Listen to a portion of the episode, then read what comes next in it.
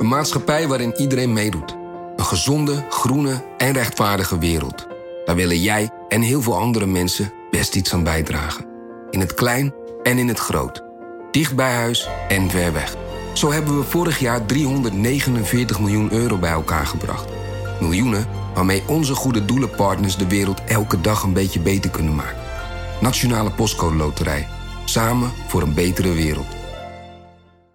Bij een juridisch conflict kun je het gevoel krijgen dat je in een rollercoaster bent beland. Je wereld staat op zijn kop en je bent de controle even helemaal kwijt. Dan is het fijn als je bent verzekerd bij ARAG. Daar werken topjuristen en advocaten die je begrijpen. Die een stap extra voor je zetten. En je het gevoel van controle teruggeven. Met kennis en informatie, met heldere uitleg en met gericht advies. ARAG, juridisch probleemoplossers.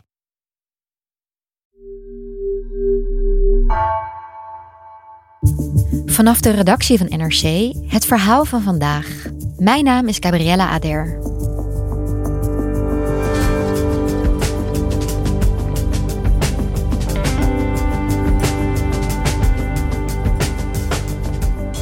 Scholieren ervaren steeds meer druk. Van hun ouders, van de school en van de maatschappij. Onderwijsredacteur Patricia Veldhuis ziet dat jongeren overspoeld worden door de continue red race. Ze spieken uit angst om te falen, kiezen de moeilijkste vakken en lopen op hun tenen. Waarom ervaren scholieren zoveel stress?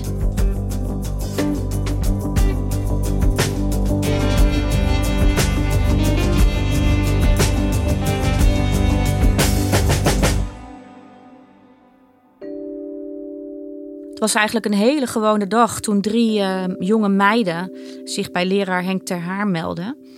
Hij geeft Nederlands uh, en is teamleider op het Etty Hillesum Lyceum in Deventer. Een tijdje geleden had ik een paar meiden bij mij aan tafel in school. Die zich bij mij moesten melden als teamleider, omdat ze uh, gespiekt zouden hebben met een toets. Hij ging met ze praten van, goh, waarom heb je gespiekt? En toen bleek dat ze niet spiekten omdat ze niet geleerd hadden. Nee, ze spiekten uit pure paniek. Toen ik een tijdje met ze in gesprek uh, was, toen ontdekte ik dat ze wel twee tot drie uur per dag aan hun huiswerk zaten en nog steeds het gevoel hadden dat het niet af was, niet goed genoeg. Hij werkte al ongeveer twintig jaar als leraar Nederlands. Uh, ik had hem geïnterviewd voor een verhaal over de groeiende prestatiedruk en stress bij scholieren. En hij vertelt dat hij het in die twintig jaar enorm heeft zien toenemen. Tegenwoordig zie ik steeds vaker gestreste leerlingen in school. Terwijl ik niet het gevoel heb dat deze leerlingen nu veel meer wordt gevraagd dan, laten we zeggen, 20 jaar geleden. Het is eigenlijk één grote red race naar de ideale plek. En dat voelen kinderen. Die stress en de red race onder jongeren, daar doe jij al jaren onderzoek naar, hè, heb ik begrepen. Mm -hmm. Hoe ben je daarmee aan de slag gegaan? Nou, het begon eigenlijk in coronatijd. Want toen zag je dat er uh, steeds meer onderzoeken kwamen naar het welzijn van jongeren. De jongeren zaten thuis, scholieren konden niet naar school. Dus er kwamen vragen van, ja, wat, wat betekent dat voor ze? En uit die onderzoeken kwamen hele heftige resultaten. Uh, een hele grote groep voelde zich eenzaam, gestrest, gespannen, depressief. Maar wat bleek, als je verder in die onderzoeken dook, zag je dat er meer aan de hand was. Dat het niet alleen corona was. Dus veel onderzoekers zeiden tegen mij van ja, corona is eigenlijk een vergrootglas voor hoe het met de jongeren gaat. Maar daaronder zien we al jarenlang een stijgende lijn van psychische klachten. Dus het was niet begonnen met corona, het was nee, er al. Het was er al.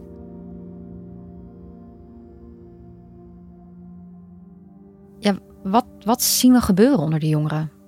Je zag op een gegeven moment heel, um, heel harde cijfers in een onderzoek van het HBSC. Die meten elke vier jaar het welzijn en de gezondheid van Nederlandse scholieren. En daar zie je dat in 20 jaar tijd het aantal scholieren dat stress en druk van school heeft, is verdriedubbeld. Zo, dat is echt heel veel. Dat is heel veel, want het betekent dat bij de laatste meting, uh, en daarvan kwamen de resultaten in september, ongeveer de helft van de scholieren zegt regelmatig of vaak last te hebben van stress en druk door school. En dat was 20 jaar geleden nog niet zo? Nee, was het veel minder, 16 procent of zo. En dan zie je vooral dat bij de meiden het nog veel erger is. 53% zegt dat ze last hebben van stress en werkdruk. Ja, en heb jij een idee hoe dat verschil te verklaren is? Ik heb daar met verschillende mensen, uh, leraren, maar ook met wetenschappers over gepraat. En het idee is dat uh, stress en werkdruk bij jongens uh, zich vaak naar buiten richt. Ze zien bijvoorbeeld veel meer baldadig gedrag van jongens in de klas vergeleken met 20 jaar geleden. Hè. Ze gaan klieren. Meer jongens die problematisch gamen, bijvoorbeeld. Terwijl bij meiden kan stress eerder leiden tot depressief, angstgevoelens, um, eetstoornissen. wat wetenschappers dan zeggen is, ja, meiden internaliseren en jongens externaliseren. Dus het heeft tot gevolg dat er echt iets uh, is veranderd in zeg maar, hoe Nederlandse scholieren zich voelen. Die onderzoekers in dat grote onderzoek, die zeiden ook echt van... het lijkt gedaan met het zorgeloze leven van Nederlandse scholieren. Zij vragen ook bij ieder onderzoek, wat voor cijfer geef jij je leven? Nou, ik weet niet. Kan je herinneren dat twintig jaar geleden Nederlandse scholieren de gelukkigste scholieren op aarde waren? Zo Toen zat ik op school. Nou, toen was jij misschien ook heel gelukkig. Mm ja. Mm. Met ups en downs, ja. In elk geval, uh, Nederlandse scholieren gaven hun leven toen, 20 jaar geleden, gemiddeld een 8. Een 8 voor geluk. Dat is het gemiddelde rapportcijfer dat Nederlandse scholieren geven aan zichzelf. En daarmee horen ze tot de gelukkigste jongeren van Europa. Dat is al jaren zo. Nu, 20 jaar later, zie je dat dat cijfer is gedaald naar een hele magere 7,1. Ja. Kan je nog steeds zeggen, is ruim voldoende, maar het is een gemiddelde. Hè? En bij de meiden is het zelfs een 6,7 nu.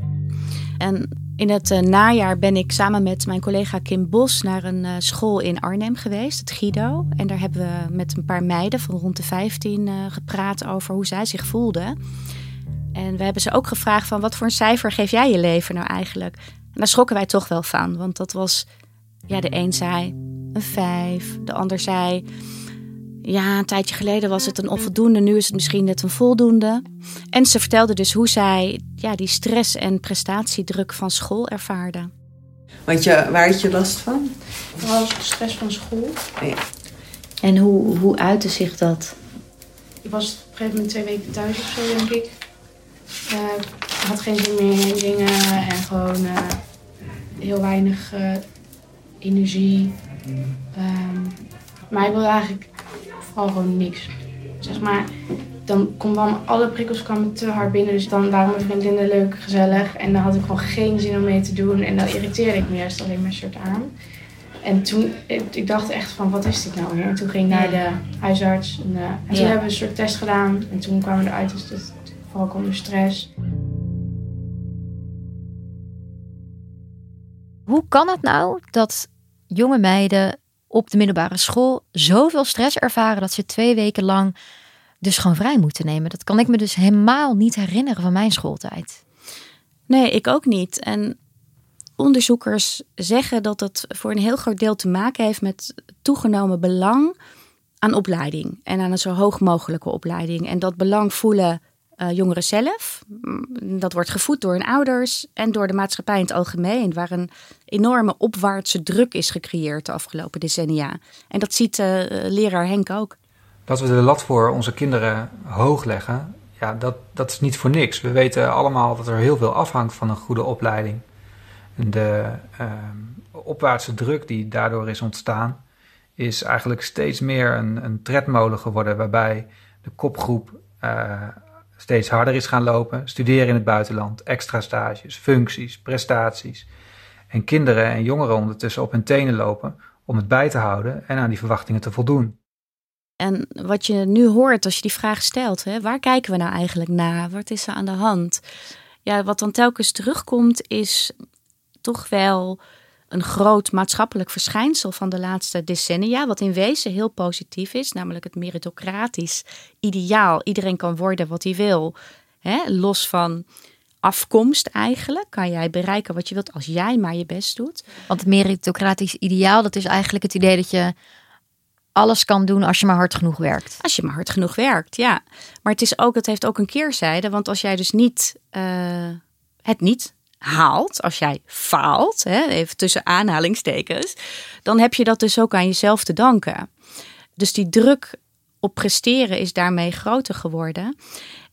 En er komt bij dat de verschillen groter zijn geworden tussen, ik noem het nu even lager opgeleide en hoger opgeleide. Over die termen is veel discussie, want je geeft er al een oordeel mee. Ja. Maar mensen met een universitaire opleiding verdienen meer geld, uh, leven langer. Uh, leven langer in goede gezondheid, hebben betere kansen op de huwelijksmarkt. Dus het loont ook, letterlijk en figuurlijk, om een zo hoog mogelijk diploma te halen. En hoe zie jij dat meritocratisch ideaal terug bij jongeren op school? Je ziet dit al uh, ontstaan op de basisschool, waar wordt voorgesorteerd uh, voor het voortgezet onderwijs. Hè. Het belang om uh, op HAVO of VWO te komen is groter dan ooit. Dus ouders proberen ook echt dat hun kind naar het VWO gaat. Ook al kan het dat eigenlijk misschien niet heel goed aan. Je ziet het ook in de percentages. Er zijn nu meer kinderen op HAVO-VWO dan 10, 20 jaar geleden. Terwijl ja, kinderen zijn niet slimmer geworden en scholen zijn niet gemakkelijker geworden. Dus je hebt een best wel grote groep die eigenlijk boven zijn macht zit te werken. En ja, je ziet hetzelfde terug bij uh, pakketkeuzes. Uh, bijvoorbeeld op het voortgezet onderwijs. En dan moet je een profiel kiezen. Mm -hmm. Ik hoor van leraren en ook van onderzoekers dat uh, een grotere groep leerlingen per se NNT wil kiezen. Natuur en techniek. Wat wordt gezien als een pittig pakket. En je ziet het ook terug bij een, een, een groeiende groep ouders die zich heel nadrukkelijk bemoeit met de schoolcarrière van hun kinderen. Tegenwoordig heb je allerlei uh, apps, zoals Magister. Ik weet niet of je dat kent. Ja. Maar daar kunnen ouders gewoon de hele tijd alles zien van hun kind. Ik heb het zelf ook in mijn telefoon. En kijk je? Nou, ik probeer het niet te doen, omdat ik dus ook weet vanuit mijn werk dat het eigenlijk helemaal niet goed is. Maar ja, ik kijk ook wel. En ja. waar let je dan op? Uh, nou, of die spijbelt, uh, of, of, dat die, of die goede cijfers heeft gehaald. Ja. Ja. ja, het is wel sneu voor die kinderen. Je kan niet meer als je een drie hebt, gewoon je toetsblaadje in je tas moffelen. Nee, nee. En het is ook niet alleen cijfers dus, hè, want je kan dus ook zien, weet ik veel, of die zijn huiswerk heeft vergeten. Of, uh, dat wordt allemaal bijgehouden? Alles staat erin, ja. En deze stress en prestatiedruk, zijn dat problemen die gezien worden bij alle leerlingen? Nou ja, het is wel belangrijk om te, om te zeggen, want we hebben het nu over deze hele specifieke groep, die groeiende groep uh, scholieren waar het niet goed mee gaat, omdat ze veel last hebben van stress. Uh, er zijn natuurlijk ook heel veel scholieren die daar helemaal geen last van hebben. En er is nog een andere groep uh, die juist een ander probleem hebben, want die worden stelselmatig ondergeadviseerd en waarvan niemand hoge verwachtingen heeft. En wat dat is, is goed. Nou ja, dat is een groep ja, zeg maar wat meer kwetsbare kinderen die uh, bijvoorbeeld opgroeien in armere gezinnen. Dus die met een achterstand op school komen. En niet worden aangemoedigd vanuit thuis vaak om te gaan uh, studeren bijvoorbeeld. Omdat dat niet iets is wat in die familie gebeurt. En die dus niet met bijlesjes of huiswerkbegeleiding. Nee, want daar hebben de ouders geen geld voor. En ouders hebben vaak ook niet het sociaal kapitaal om die weg te vinden. Hè? Want um, dat is natuurlijk ook een ding. Als jij de weg weet, als je weet waar je moet wezen om het cv van je kind op te krikken, dan is het een stuk makkelijker. En aan de andere kant van de kloof zie je dus ja, ouders die juist heel erg pushen en hun kind in de gaten houden, tot bijles sturen. En die dus niet genoegen nemen met een VMBO-advies voor hun kind. Nee, want dat horen we ook uh, vaak van, uh, van leraren, dat ouders dan boos worden. Henk uh, vertelde mij bijvoorbeeld dat hij ook regelmatig inderdaad ouders tegenover zich heeft die MAVO niet goed genoeg vinden voor hun kind. Ik zie ook dat ouders er steeds sterker bovenop gaan zitten. En van een collega, teamleider op het VWO, hoor ik hetzelfde. Ouders zijn als de dood dat hun kind um, afstroomt naar de HAVO. Dus als ik zeg dat wat ik zie bij Pietje erop lijkt dat hij bijvoorbeeld uh, beter af zou zijn op de MAVO, omdat hij daar gelukkiger is, beter kan presteren, dan hoor ik van ouders soms, uh, ja, maar wij zien thuis hele andere dingen. Pietje kan het best. En dan moet Pietje naar het huiswerkinstituut. De hoop is ook wel dat je nu deze cijfers bekend worden, nu we er steeds meer over praten en we het zien, ja, dat de wal het schip gaat keren. Dat ook ouders zich gaan realiseren van wat zijn we eigenlijk aan het doen met z'n allen. Want het heeft echt gevolgen. Het is niet zomaar een beetje uh, stress hebben. Hè? Want stress is niet erg. Dat, dat, hè, dat... Korte stress, kortdurige Kort, stress. Precies. Maar als je echt uh, jarenlang gebukt gaat over, onder zo'n spanning, dan heeft dat echt gevolgen. En wat we nu zien gebeuren, en dat hoor ik van psychiaters en jeugdpsychiaters terug. Uh, hun wachtkamers zitten vol met jongvolwassenen met hele complexe problemen. Van angststoornissen, depressies. Ik kreeg een bericht van een psychiater uh, afgelopen week nadat we een artikel weer hadden geschreven over prestatiedruk. Ellie Smits. En zij maakt zich echt enorme zorgen, want zij ziet dus die gevolgen in haar praktijk.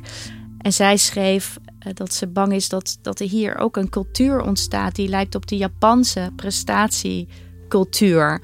Waarbij jonge mensen ja, op een gegeven moment uitvallen.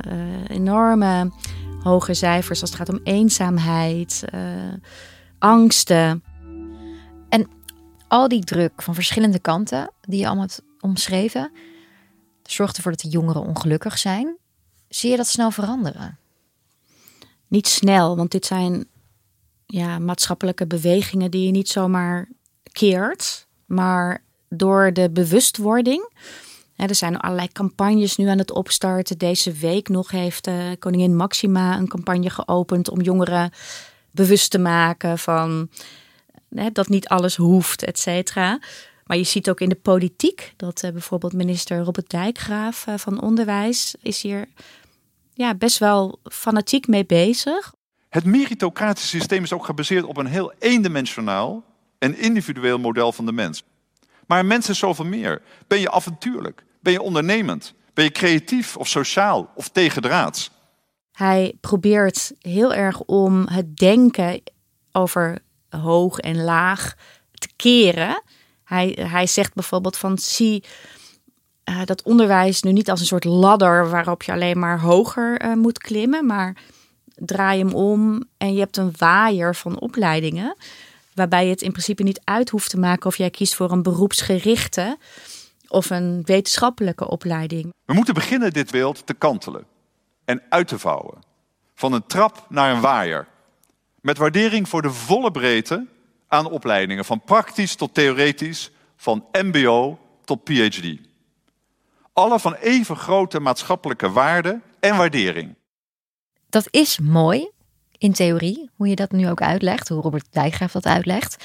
Maar dat kan je natuurlijk niet zo makkelijk invoeren in de maatschappij, of wel? Ik bedoel, het zit zo in ons denken gericht. Ja, dat klopt. Dat is heel erg lastig. Um, en ook zolang werkgevers ook gewoon meer betalen voor iemand met een universitaire opleiding of functies die prima door een MBO'er vervuld zouden kunnen worden, dat is daar een HBO'er voor vragen. Hè? Dat zie je ook nog heel veel. Uh, maar ik, ik denk wel dat het uiteindelijk wel effect heeft. Want alles waar je nou ja, aandacht aan besteedt, hè, dat verandert uh, misschien een beetje. En je kan ook zelf op kleine schaal uh, proberen om iets te veranderen. Want het zet mij ook aan het denken. Mm -hmm. um, je hebt zelf drie kinderen. Ja, en, en Henk ter Haar, de leraar, maakte daar ook een opmerking over. Ik denk dat er toch ook bewust of onbewust door uh, ouders, en dan spreek ik ook mezelf aan, aan kinderen het gevoel wordt gegeven dat ze uh, echt goede resultaten moeten boeken. En dat voldoende niet snel voldoende is. En dat kan ook zitten in bijvoorbeeld aan je kind vragen als hij uit school komt niet vragen, heb je een hele leuke dag gehad op school? Wat heb je allemaal gedaan? Maar om meteen te vragen naar een cijfer. Of meteen te vragen hoe die toets is gegaan. En toen hij mij dat vertelde, dacht ik: Oh ja, dat doe ik soms ook. Dus dat probeer ik nu ook te doen. Dus niet hoe ging je wiskunde, maar hoe was je dag? Ja, nou, heel mooi, Patricia. Goed, uh, goede tip in ieder geval. Heel erg bedankt voor je verhaal. Heel graag gedaan.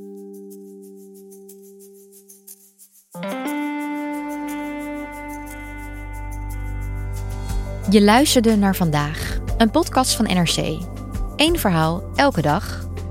Deze aflevering werd gemaakt door Nina van Hattem, Iris Verhulsdonk en Ruben Pest. Dit was vandaag, morgen weer.